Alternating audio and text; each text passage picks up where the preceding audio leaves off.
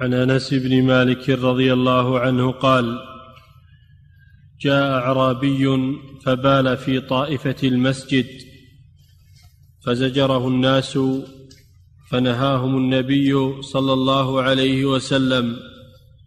فلما قضى بوله أمر النبي صلى الله عليه وسلم بذنوب من ماء فأهريق عليه.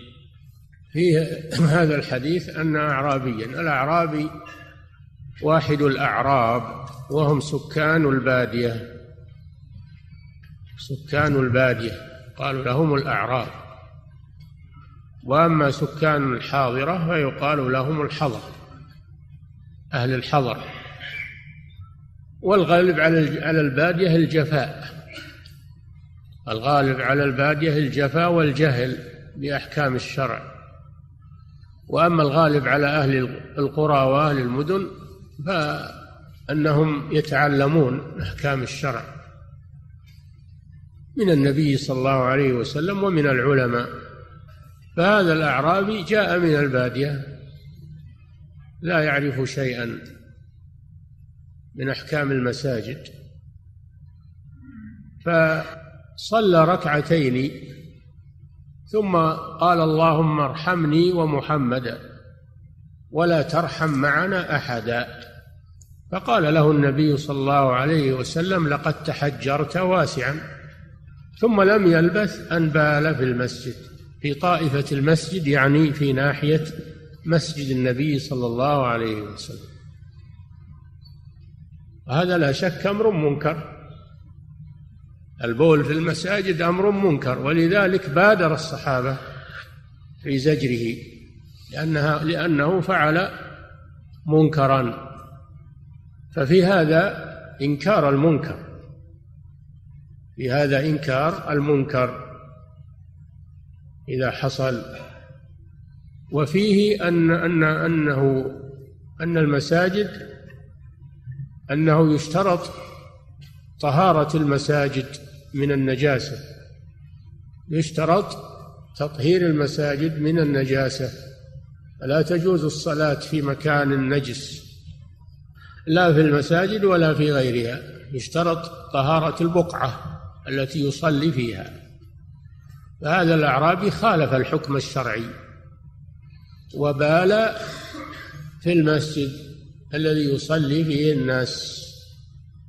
بل وفي أفضل المساجد بعد المسجد الحرام وهو مسجد النبي صلى الله عليه وسلم. فلذلك أنكر عليه الصحابة ولكن نظرا لكونه جاهلا رفق به النبي صلى الله عليه وسلم. فهذا فيه الرفق في الجاهل. إذا فعل منكرا وهو جاهل فإنه يرفق به ويبين له الحكم الشرعي برفق. لا بغلظة وقسوة. فنهاهم النبي صلى الله عليه وسلم وقال لهم دعوه أي دعوه يكمل بوله. فتركه حتى أكمل بوله. قالوا لأنه لو قام وقطع بوله حصل مضرتان. المضرة الأولى أنه يتضرر صحيا. لأن حبس البول يضر بصحة الإنسان. وثانيا لو لو لو قام وهو يبول لا انتشرت النجاسة في المسجد. لانتشرت النجاسة في المسجد. وتتقاطر النجاسة في أكثر من موضع. فإذا ترك انحصرت النجاسة في مكان واحد. فهذا فيه قاعدة ارتكاب أخف الضررين لدفع أعلاهما قاعدة عظيمة في أصول الفقه. ارتكاب أخف الضررين لدفع أعلاهما أو ارتكاب أخف المفسدتين. هذا أخذوا منه هذه القاعدة العظيمة.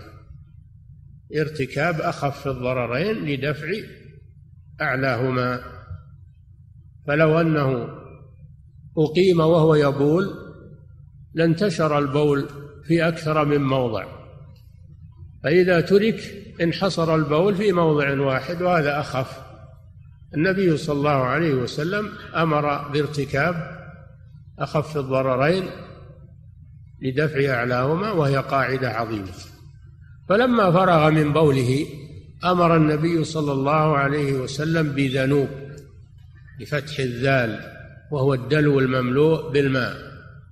فإن كان دلوا وليس فيه ماء لا يقال له ذنوب وإنما يقال له الدلو.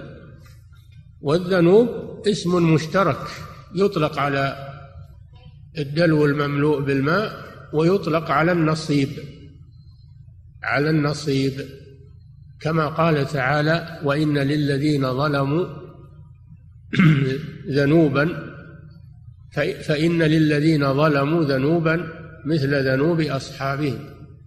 أي لهم نصيب من العذاب مثل نصيب أصحابهم من الكفر. ويطلق الذنوب ويراد به النصيب. والمراد به المعنى الأول المراد به هنا المعنى الأول وهو الدلو المملوء المملوء بالماء. فأمر به فأهريق أهريق بالهاء. أصله أريق بالهمزة فزيدت الهاء. وهذه لهجة عربية فصيحة تقول أريق وتقول أهريق. أهريق يعني صب البول على موضع الماء. فهذا يؤخذ منه يؤخذ منه وجوب طهارة المساجد والمصليات من النجاسة. ويؤخذ منه كيفية تطهير الأرض المتنجسة لأنها يصب عليها الماء ويكفي هذا. صب عليها ماء يغمر ما فيها من البول ويكفي هذا ولا تحفر ولا ينقل ترابها ولا تحوط وإنما يصب على طبيعة الأرض يصب على المحل الذي أصابه البول يصب عليه الماء ويطهر بذلك. وهذا من تيسير الله سبحانه وتعالى لأن النبي صلى الله عليه وسلم اكتفى بأن صب على مكان البول ماء. وفيه مكارم أخلاقه صلى الله عليه وسلم حيث رفق بهذا الأعرابي فلما فرغ دعاه وقال إن هذه المساجد لم تبنى لذلك وإنما بنيت لذكر الله والصلاة ففيه حسن تعليمه صلى الله عليه وسلم ورفقه بالجهال وحسن خلقه عليه الصلاة والسلام وهكذا ينبغي لطلبة العلم والدعاة إلى الله عز وجل والمحتسبين الذين يأمرون بالمعروف وينهون عن المنكر أن يستعملوا مع الجهال طريقه اللينة اللبقة التي لا تجرح شعورهم لأنهم لم يفعلوا هذا عن تعمد وإنما فعلوه عن جهل فيرفق بهم. فليت الدعاة وليت وليت الآمرين بالمعروف الناهين عن المنكر يمشون على هذه القاعدة العظيمة النبوية في دعوتهم وفي أمرهم بالمعروف ونهيهم عن المنكر. فهذا حديث عظيم والشاهد منه أنه يشترط طهارة البقعة للصلاة وأن كيفية تطهيرها إذا أصابتها النجاسة نجاسة البول أنه يصب يصب عليها الماء ويكفي. يصب عليها كمية من الماء وتكفي. أما إن كان النجاسة لها جرم نجاسة لها جرم كالغائط فهذا لا بد من إزالة عين النجاسة ثم يغسل أثرها. يزال أولا عين النجاسة ثم يصب الماء على مكانها. نعم. يقول السائل ما هي طريقة النضح الصحيحة؟ هل هي غمس الثوب أو صب الماء؟ هل هي إيش؟ هل هي غمس الثوب؟ غمس الثوب؟ نعم. أو. صب الماء عليه؟ صب الماء عليه. المقصود صب الماء عليه ورشه بالماء. نعم. نعم. فضيلة الشيخ يقول السائل المساجد التي يوجد بها الفرش هل ينطبق عليها في البول مثل المساجد في السابق؟ الحديث وارد في المساجد التي هي ترابية المساجد الترابية. أما الفرش فتؤخذ وتغسل تنقل لأن الفرش يمكن نقلها فتنقل وتغسل ثم تعاد. إلى مكانها. لكن قد تقول البلاط مثلا إذا حصل البول على البلاط نعم ولو حصل على بلاط يصب عليه الماء ويكفي.